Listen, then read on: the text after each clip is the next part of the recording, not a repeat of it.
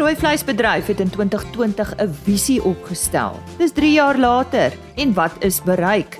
Corin Stein van die RPO het tydens die RPO Noord-Kaap Kongres hieroor gesels. Ons gesels vanoggend ook oor trekker en stroper verkope met Tally Giesing van die Landbou Masjinerie Assosiasie. En tydens Merino SA se adviseurskursus op Middelburg in die Karoo het Willem Olivier van Grootfontein Landbou College oor die Merino plan gesels. En ons hoor vanoggend wat hy daaroor te sê het. Goeiemôre. My naam is Lise Roberts. Jy is ingeskakel vir RSG Landbou en eh, ek glo dit gaan goed met jou op hierdie Maandag 26 Junie. Had a 40,000 there, but a 42 and a 2 bit on there, but a 45. Had 45,000 there, but a Soos wat die maand einde se kant toe stap, kom ons kyk wat lê nog voor in terme van veilinge vir die res van Junie en dan kyk ons ook sommer na die begin van Julie. Môre 27 Junie, die Gouveld Groep Beefmaster tipe produksieveiling, dis op die plaas Witbank in die Leandra omgewing aangebied deur BKB en die afslaer is Johan van der Nest. Op 28 Junie die Moalosi Bonsmara se eerste produksieveiling, dis op die Vryburg skougronde, aangebied deur Andre Kok en Seun en die afslaer is ook Johan van der Nest. Ek het verlede donderdag met Chris Boshoff gesels oor die Boshoff Bonsmara genetika met ruggraat produksieveiling.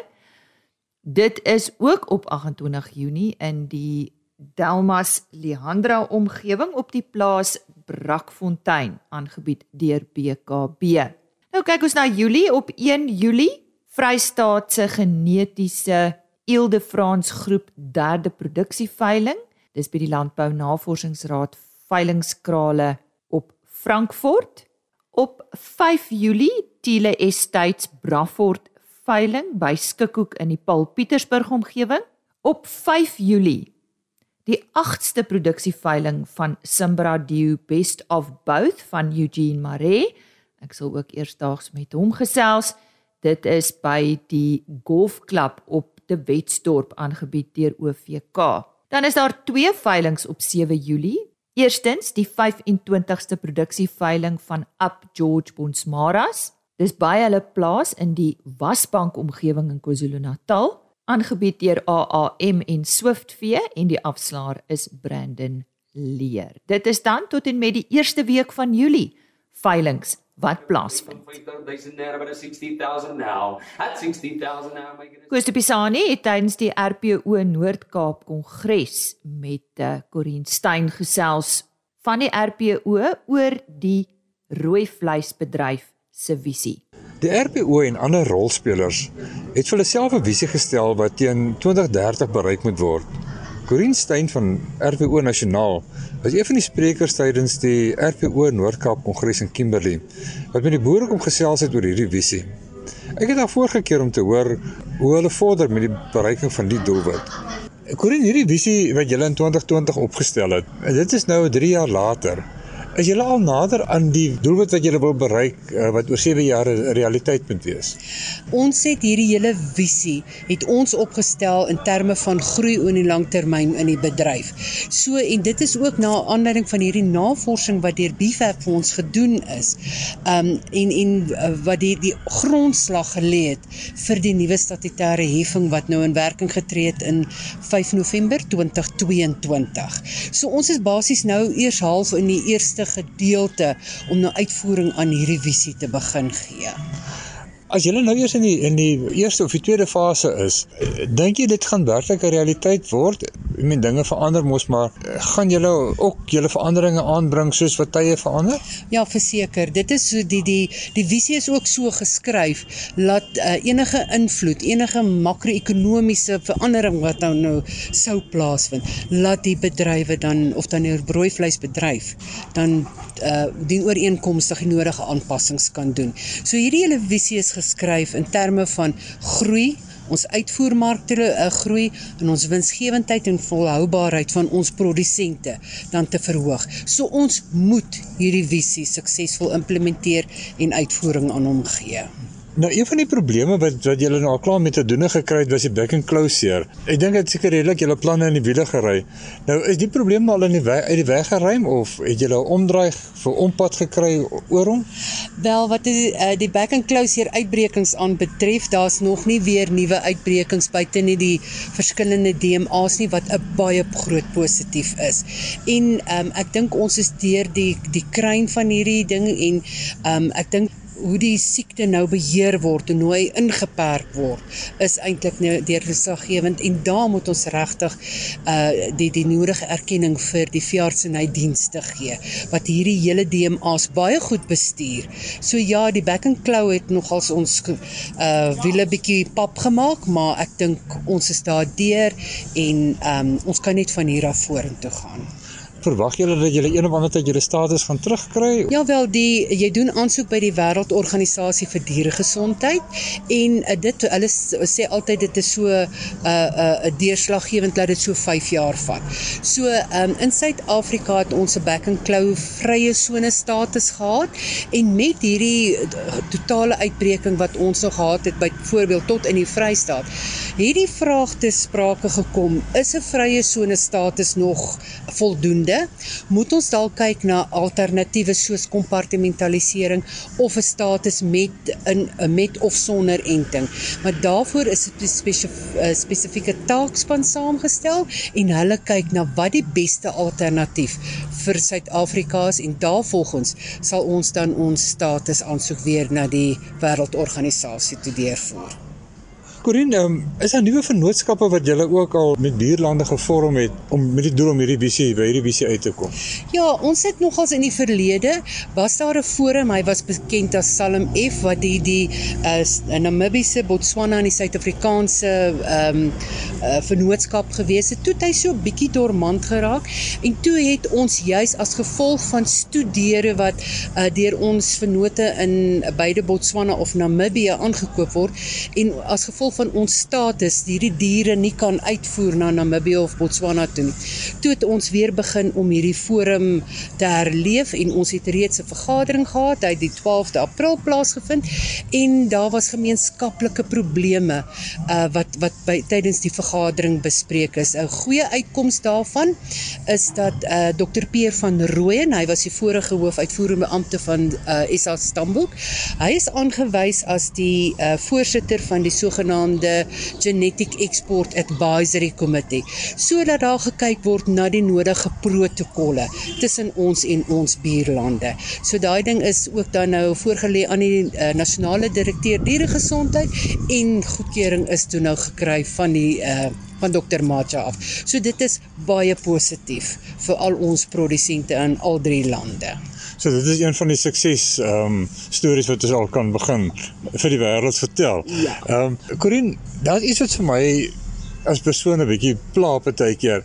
Dit voel vir my daar seker is dinge wat jy op hoë vlak doen, maar vir die gewone rooi vleisprodusent dit dit vat nie aan sy lyf nie. Dis nie soos om om om wette en reëls en regulasies in te stel en nuwe verhoudings te bou markte te skep en die dinge, maar wat kan die boer uh, op die plaas doen om om die visie te bereik om saam met julle te werk?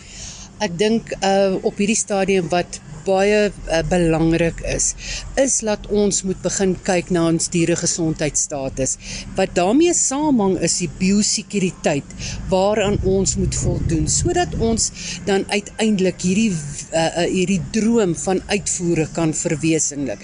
So um, ons sê uh, begin by stap 1 kry jou dieregesondheid in plek op die plaas, kry jou biosekuriteit op uh, in plek in plaas. Dit word uitgerol na byvoorbeeld die biosekuriteit by jou veilingfasiliteit, by jou abattoir, sodat as daai dier verhandel word of daai dier word geslag, laat ons sy dieregesondheid kan waarborg. En sodat ons op die ou einde dan nou hierdie droom kan verwesenlik en dan wat hierby saamhang is natuurlik die implementering van 'n naspeurbaarheidstelsel. So 'n uh, lits LISSA, dit staan vir Livestock Identification and Traceability South Africa. Uh hulle het reeds begin om 'n database te ontwikkel. Die WNR het hierdie database vir hulle geskryf en binne hierdie database is daar reeds goed ingebou soos byvoorbeeld jou artikel 6 en 8 dokumente by die beweging van diere. Uh die die gesondheidsstatus van die dier. As die dier van een uh, lokaliteit na 'n volgende toe beweeg, laat hy outomaties binne die stelsel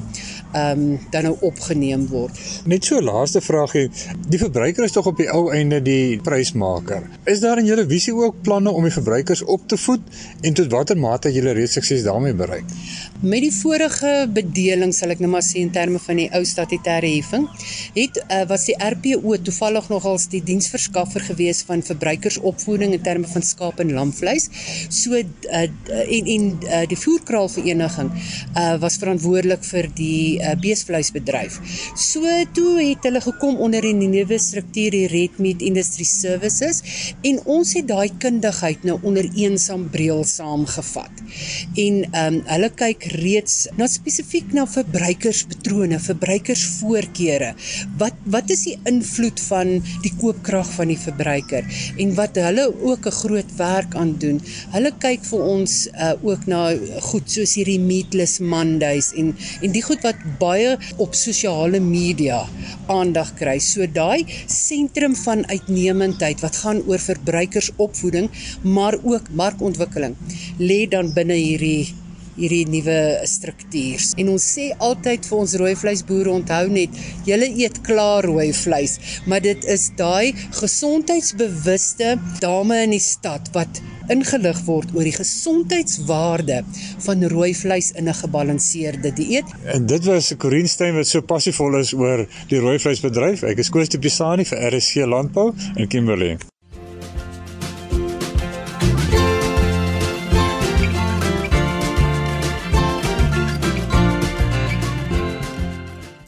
Dis weer die tyd van die maand om bietjie oor trekker en stroper verkope te gesels en ons verwelkom vir die eerste keer in ateljee vir Tally Giesing, hy is voorsitter van SAMA.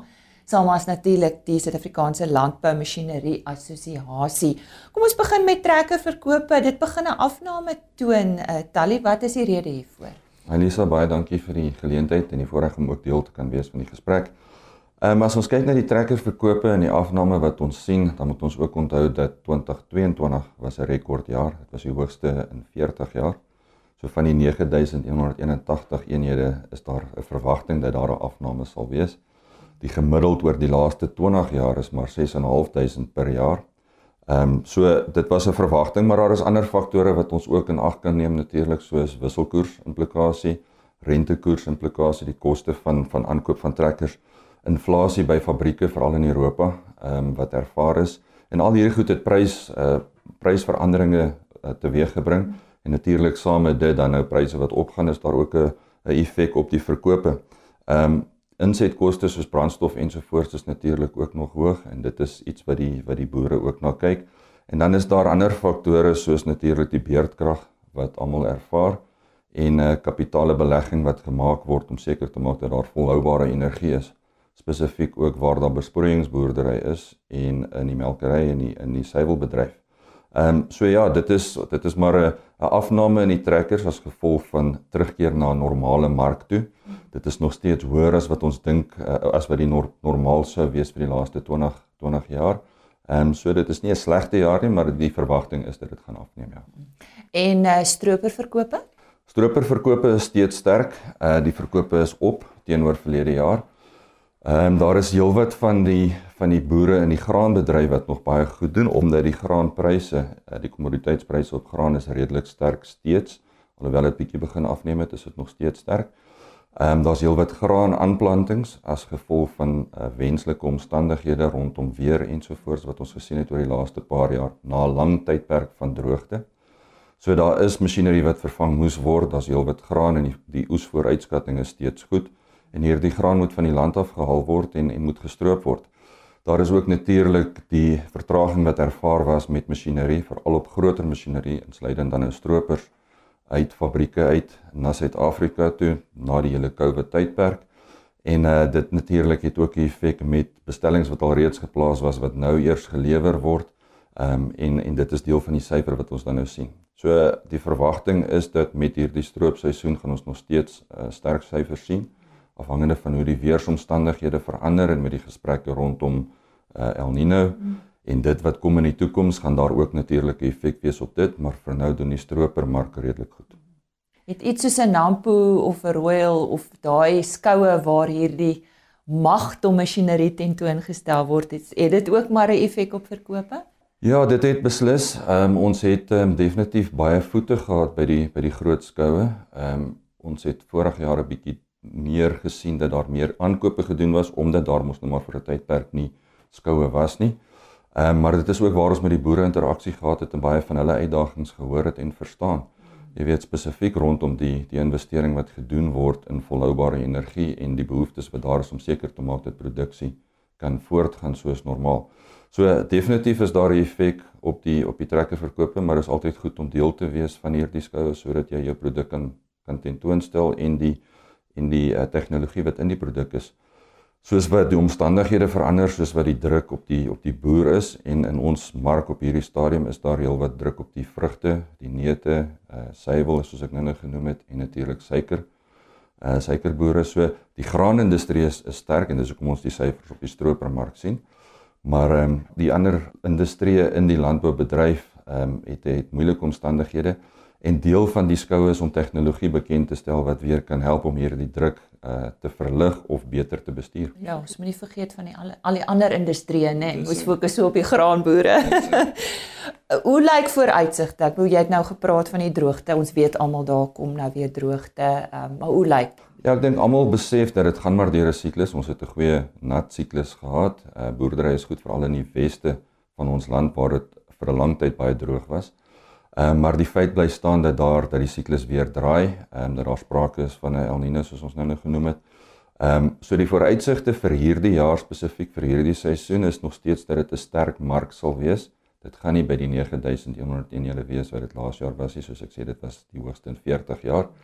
Ehm um, maar die verwagting is dat dit so 15% af sal wees, miskien nie by die 7800 eenhede, maar daar's baie eksterne faktore wat dit natuurlik kan ehm um, kan beïnvloed. Dit kan op of dit kan af. Ehm um, afhangende van dinge wat gebeur.